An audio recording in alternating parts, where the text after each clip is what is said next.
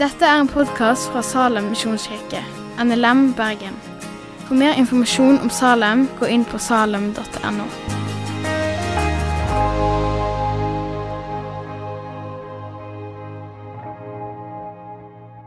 Jeg syns at det er vanskelig å tale om dåp.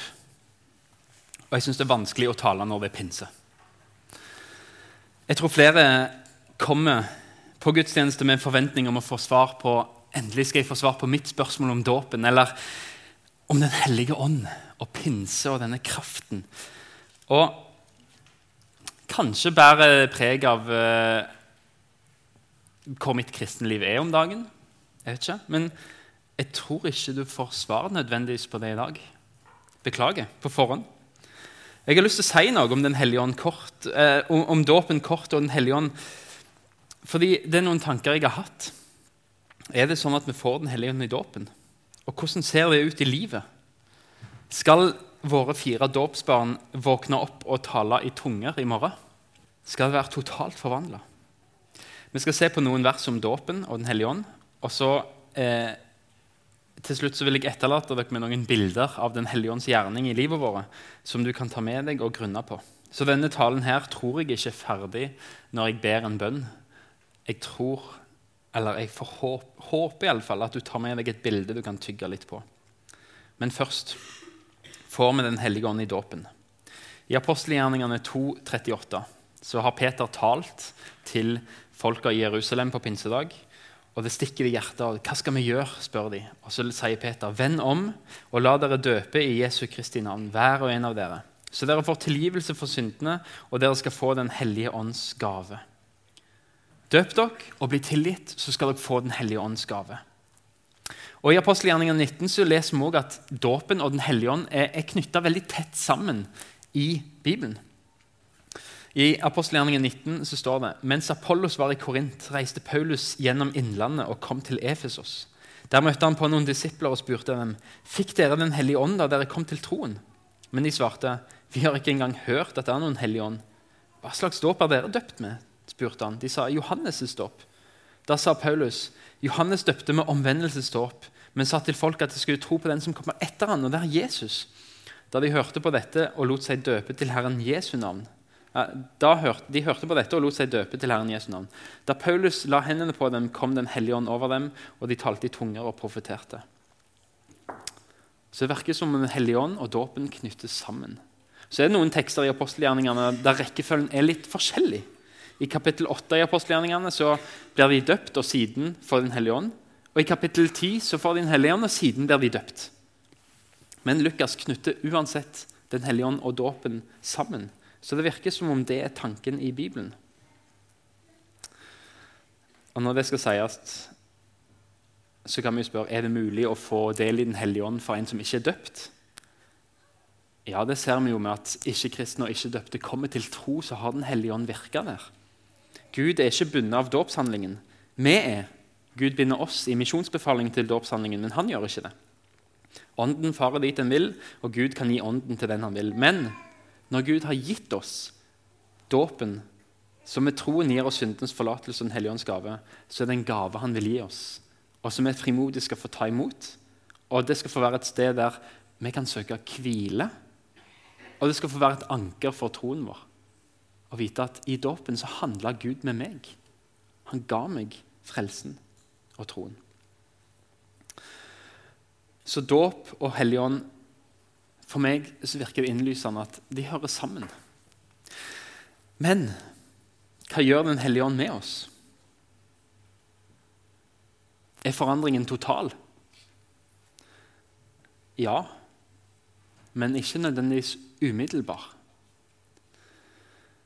Det er et spørsmål jeg har grunna litt på. Hva, hva, hva, er det som gjør at jeg stadig som kristen stadig lengter etter mer av Den hellige ånd? Hva er det med troen som er sånn at den vil alltid ha mer av Gud, mer av Jesus, mer av Den hellige ånd, mer nådegaver, mer frykt? Det er den positive vinklingen å stille spørsmålet. Den negative vinklingen er hvorfor ser jeg ikke mer av Den hellige ånd i mitt liv? Hvorfor ser jeg ikke mer av Den hellige ånd rundt meg? Hvorfor erfarer jeg ikke mer av hans gaver og kjenner på mer av hans frukt.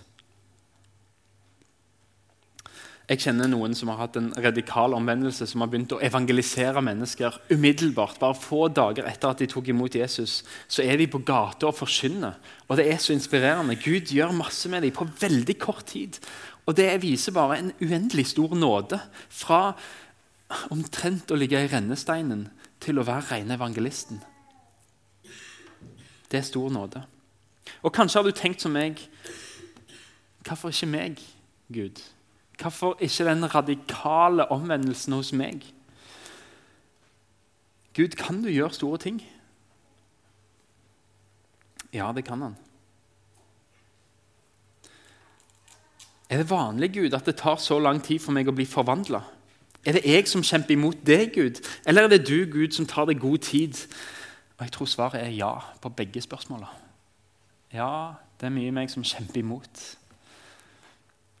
Kjemper imot at Den hellige ånd skal vinne skikkelse i meg. Og jeg tror òg at Gud av og til tar seg veldig god tid. Jeg skulle ønske at Jesus Den hellige ånd var som en lysbryter. Du skrudde på, bang, så var alt klart. Alt var lyst. Jeg forstår den kristne troen. Jeg ser fruktene i livet mitt. Jeg kan navigere, jeg kan bruke nådegavene nesten som jeg vil. En umiddelbar forvandling. Slå på lysbryteren. Sånn. Jeg skulle ønske at det var sånn. Og for noen er det det. Gud gjør store ting. Men jeg har lyst til å lese noen tekster for dere som har gitt meg noen tanker å hvile i. Og så håper jeg at disse tankene kan få gi hvile til deg òg. Og jeg, jeg, har ikke lyst å, eh, å si at vi, vi, vi vitne, Mange av oss har vært vitne til store nådegaver. Eh, og store forvandlinger. Og Gud kan gjøre det, og Gud gjør det i dag. Og Gud kommer til å gjøre det, og, og vi skal be om at Gud gjør det i Salem. Men kanskje har dette vært noen, noen vers og tanker som jeg har fått hvile litt i når jeg ikke erfarer at det skjer i mitt liv. Så her er balansen. Trøsten i noen av bibeltekstene men òg den, den, hungeren vi allikevel skal ha og be til, be om å bli fylt av Den hellige ånd, be om at frukten får vokse fram i oss. Så ikke la trøsten bli ei hvilepute, men fremdeles jag etter nådegavene.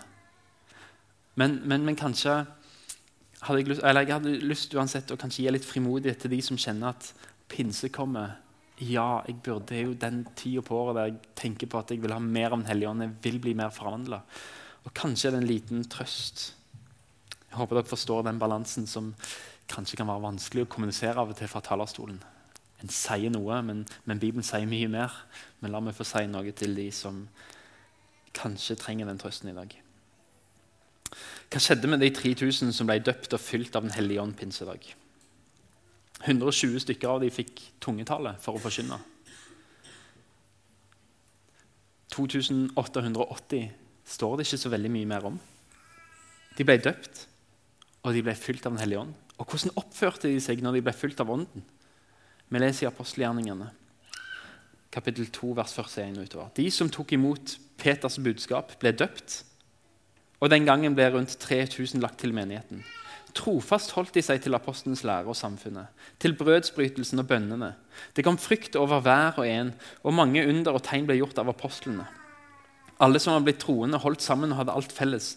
De solgte sine eiendommer og annet gods og delte ut til alle etter som enhver tenkte det. De holdt sammen, og hver dag samlet de seg trofast på tempelplassen i hjemmene, brøt de brødet, og de spiste sammen med oppriktig og inderlig glede. De lovet Gud, og, satt, og, alle satte pris på dem. Hver dag ble nye mennesker frelst, og Herren la dem til i menigheten. De ble døpt. De fikk tilgivelse for syndene og Den hellige ånds gave. som Peter sa. Det var 3000 stykker av dem. Og hva skjedde når de fikk Den hellige ånds gave? De holdt seg til læren. De holdt seg til fellesskapet og til nattværen. De holdt seg til bønnen.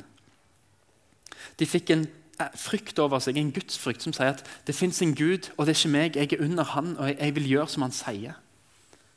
Mange tegn ble gjort av apostlene. Og, og, kanskje ble tegn gjort av de 2988 andre. Det tror jeg. Men, men det står apostlene her. De holdt sammen og samla seg og hadde fellesskap og inderlig glede. De lovpriste Gud og ble satt pris på av andre mennesker. Dette var åndsfylte mennesker. De holdt seg til læren, til fellesskapet, til bønnen og til gudsfrykten. Den hellige ånd gjorde at de holdt seg til det. De var fylt med Den hellige ånd, og sånn så det ut. Det har vært en liten, lite hvileskjær for meg i kanskje det ønsket om at nådegavene skal bryte enda mer løst i mitt liv. Og så har jeg lyst til å si at det er kanskje en start på noe.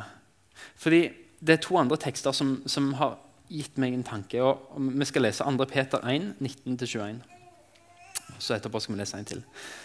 Derfor står også profetordet desto fastere for oss. Dette ord bør dere ha for øye, for det er lik en lampe som lyser på et mørkt sted inntil dagen gryr og morgenstjernen går opp i deres hjerter.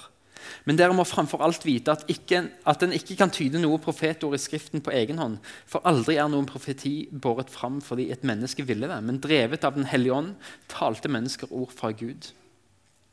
Og I Lukas 1 så er det Sakarias som, som eh, lovpriser Gud.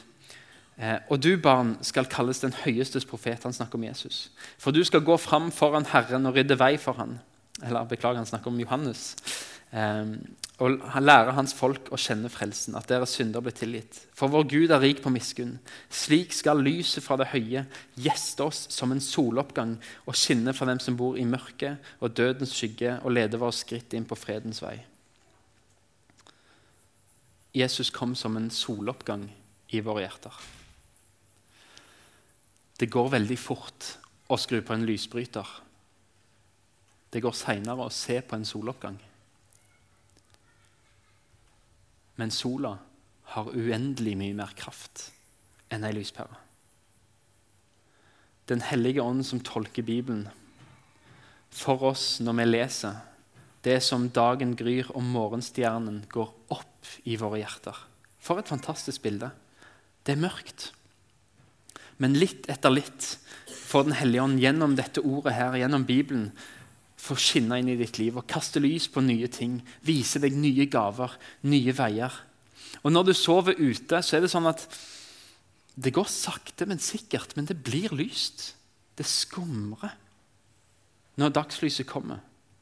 Til slutt så er det fullt dagslys, av og til uten at det liksom Oi, nå var det plutselig lyst. Men det har egentlig blitt lysere og lysere og lysere før det går opp for deg at ei, nå er det jo fullt, fullt sola er jo her. Og Kanskje tenkte du ikke engang over det. Lyset kom så sakte. Hva om Den hellige ånds gjerning i våre liv er som en soloppgang? Ofte som en lysbryter, men samtidig òg som en soloppgang som tar litt tid. Du ser stadig mer. Du forstår stadig mer. Jo mer du leser, jo mer Den hellige ånd får prege deg, jo mer dagslyset kommer lenger inn i hjertestua di, så blir troen vakrere. Kanskje mer farger og mindre svart-hvitt. Kanskje ser du at lyset kommer, og så viser det deg at kjærligheten er ikke bare varme følelser, men lyset viser at kjærligheten må si fra når vinduene er skitne, sånn at mer lys kan slippe inn. Sakte, men sikkert så finner du glede i alle fargene som kommer fram i lyset. I motsetning til mørket og skyggene du egentlig var litt redd for, og som du ikke visste helt hva du skulle gjøre med. Det du gjorde før, får sakte, men sikkert lys på seg. Og så ser du at det var ikke der freden lå. Den ligger et annet plass enn der jeg leita i mørket. Når lyset kommer, ser jeg at freden ligger hos Jesus. Og Lyset viser også hvor dypt mørket ditt var. Det lyser opp det som lå i skyggene, det som var skjult, det du ikke ville vise for noen. Og så gir lyset deg egentlig en overbærenhet med andre mennesker som har samme utfordringer og samme synder. Og du ser en venn stige fram i lyset, en venn som du dypest på dypet har lengta etter. En venn som velger å legge ned sitt liv for å tjene deg. Og resultatet er at du blir mer lik den vennen, mer vennlig innstilt på andre. For nå har du endelig et eksempel som viser hvordan ser en venn ut. Jo, han legger ned sitt liv. Og så tenker du jeg vil ligne på han. Når lyset viser meg hvordan han ser ut, så vil jeg òg se sånn ut. Og Lyset gjør at du ser din ondskap mer og mer. Og du ser at jeg kan velge den vekk. Og jeg kan rydde plass til godhet i livet mitt. Og han som kommer med lyset, han snur seg ikke vekk når han finner noe som du ikke vil vise til andre. Han lyser trofast på det samme punktet og vasker det bort sånn at det blir helt rent hvis du lar han. Og det oppgløder deg til å være like trofast mot andre. De som svikter deg, til og med. Alt som lyses opp av lyset, alt det som gjorde deg skamfull i mørket, det tar Jesus bort. Og han gir deg livet i gave. Og så fylles du med en ydmykhet jeg er ikke bedre enn alle andre, men jeg trengte Jesus. Jeg, og Det er han som har gjort alt dette. Og jeg vil gi dette budskapet videre. Det er ikke meg, det er Jesus. Og så ser du at jeg kan ikke lenger leve i mørket. Jeg vil ha lyset her. Jeg vil ha det. Jeg ber om mer. Jeg ber om mer hjelp, og så kommer Ånden deg til, til hjelp og gir deg selvbeherskelse, sånn at du kan navigere i det nye lyset. Og det skjer ikke på fem minutter, men det skjer som en soloppgang. Det skjer hele tida. Så lenge vi holder oss til ordet. Litt etter litt så springer lyset fram i hjertet. Hvis du lar Den hellige ånd få vise deg. Få vise deg Bibelen, og få vise deg evangeliet, få vise deg fellesskapet få vise deg nådegavene som ligger der, som, som skal tjene deg. La Jesus få komme som soloppgangen i hjertet. I Galaterne 5 så, så står litt av dette. Åndens frukt er kjærlighet, det er glede, det er fred, overbærenhet, vennlighet, godhet, trofasthet og tålsomhet og selvbeherskelse. Slike ting rammes ikke av loven. De som hører Kristus til, har korsfestet sin onde natur med dens lidenskaper og lyster. Og, vi fått, og har vi fått livet ved Ånden, så la oss også leve ved Ånden. Jeg, jeg prøvde å forklare dette en gang på, på bilder til studentene der jeg jobber og sa jeg tror mange av dere jeg sa på slutten av jeg tror mange av dere ikke er klar over hvor mye Gud har gjort i livene deres. Fordi Den hellige ånd og Gud jobber som en soloppgang i livet. Og Dere går sammen og studerer Bibelen et helt år og lar Gud påvirke dere. og Dere, dere går sammen i dette, og dere merker ikke at det blir lysere og lysere fordi at alle sammen går den samme veien. Den hellige ånd gjør noe med oss når, når Bibelen får tale til oss. Og selv om dere erfarer at Gud har ikke gjort noen ting her, så kan vi i personalet vi kan se studenter bli forvandla. Fra dag én i august til det vi ser i mai. Av og til er det noe helt annerledes, men de merker det ikke sjøl. Men de kommer hjem, og vi får meldinger om at Vet du hva? Jeg ler ikke av det samme lenger. Jeg har et annet filter på humoren. Jeg tenker annerledes om vennskapen enn det mine venner som er hjemme i. Og vi ser at Gud har gjort noe. Jeg merker det ikke, men Gud har jobba i meg. Det lyset har kommet. Og det gjør at jeg er forskjellig fra den jeg var før, til nå. Og jeg tror det er sant om oss som går i menighet òg. Vi går sammen, vi hører forkynnelse. Og kanskje er det ikke alltid at vi tenker at vi blir så veldig forvandla når vi har vært i salen. Men med Guds nåde så tror jeg at du og jeg tror at fellesskapet er noe annet enn det vi var for to år siden.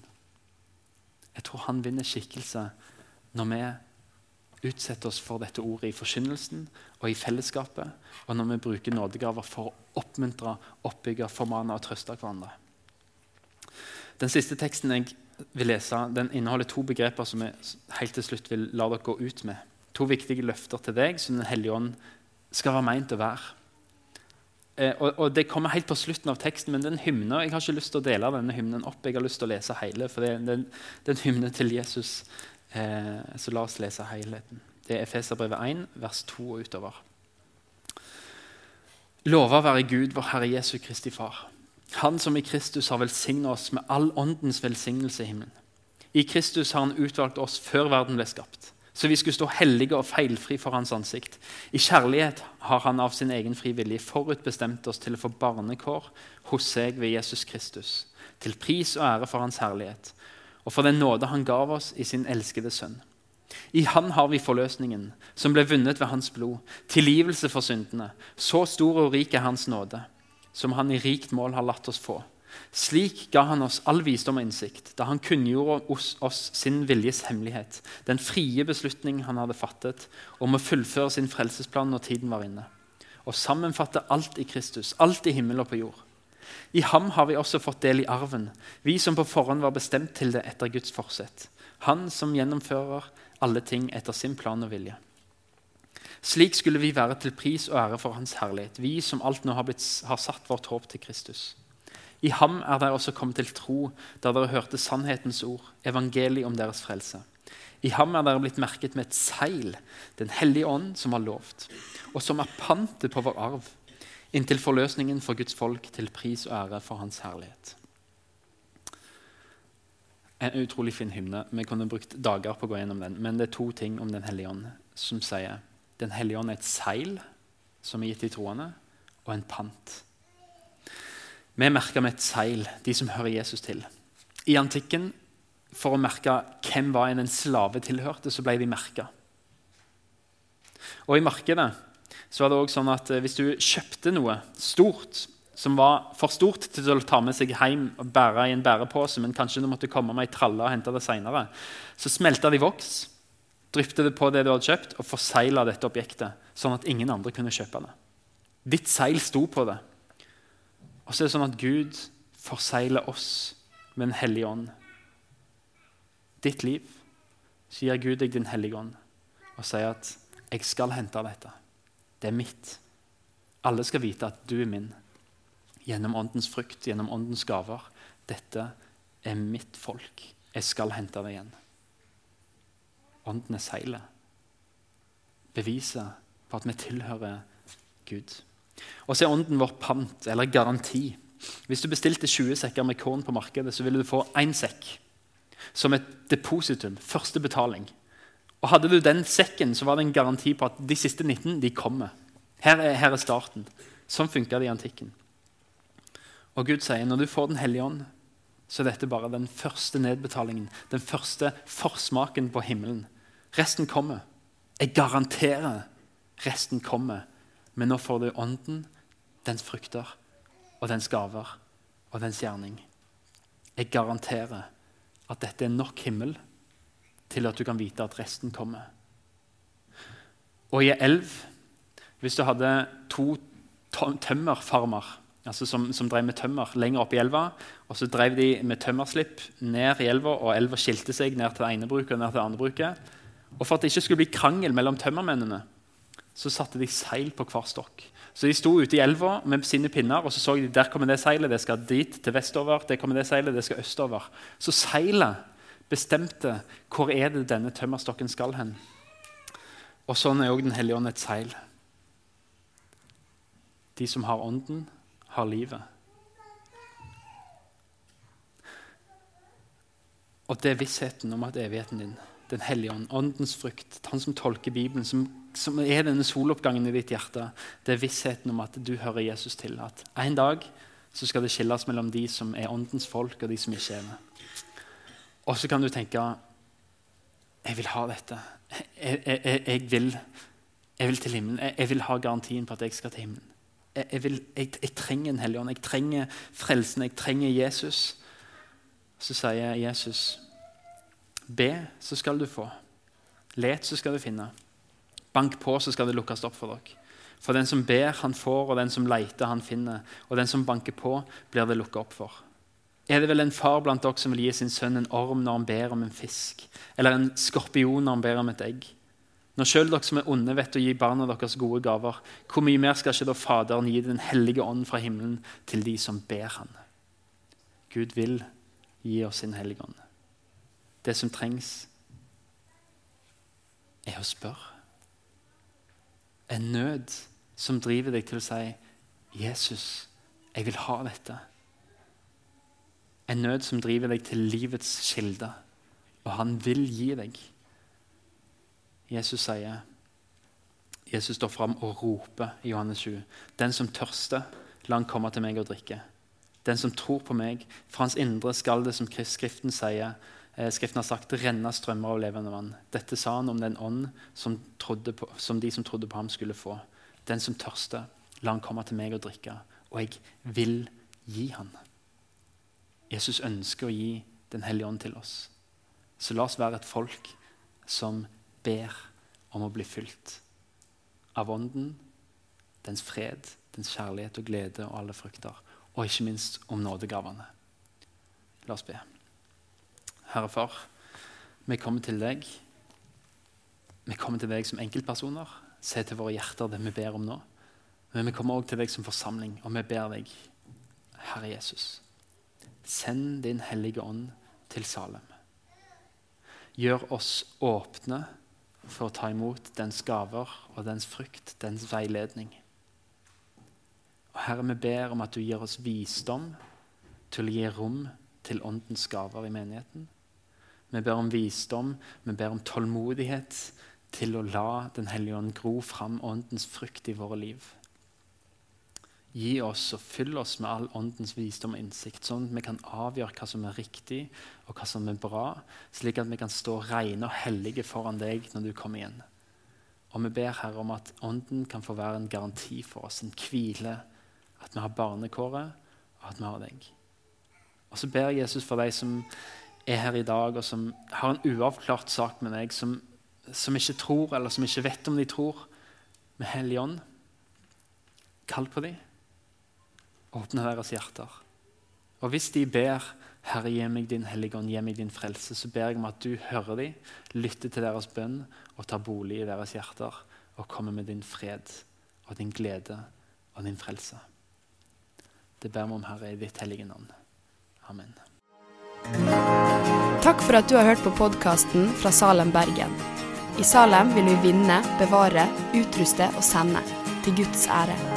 Vi ønsker å se mennesker finne fellesskap, møte Jesus og bli disippelgjort her i Bergen og i resten av verden. Vil du vite mer om oss, gå inn på salem.no.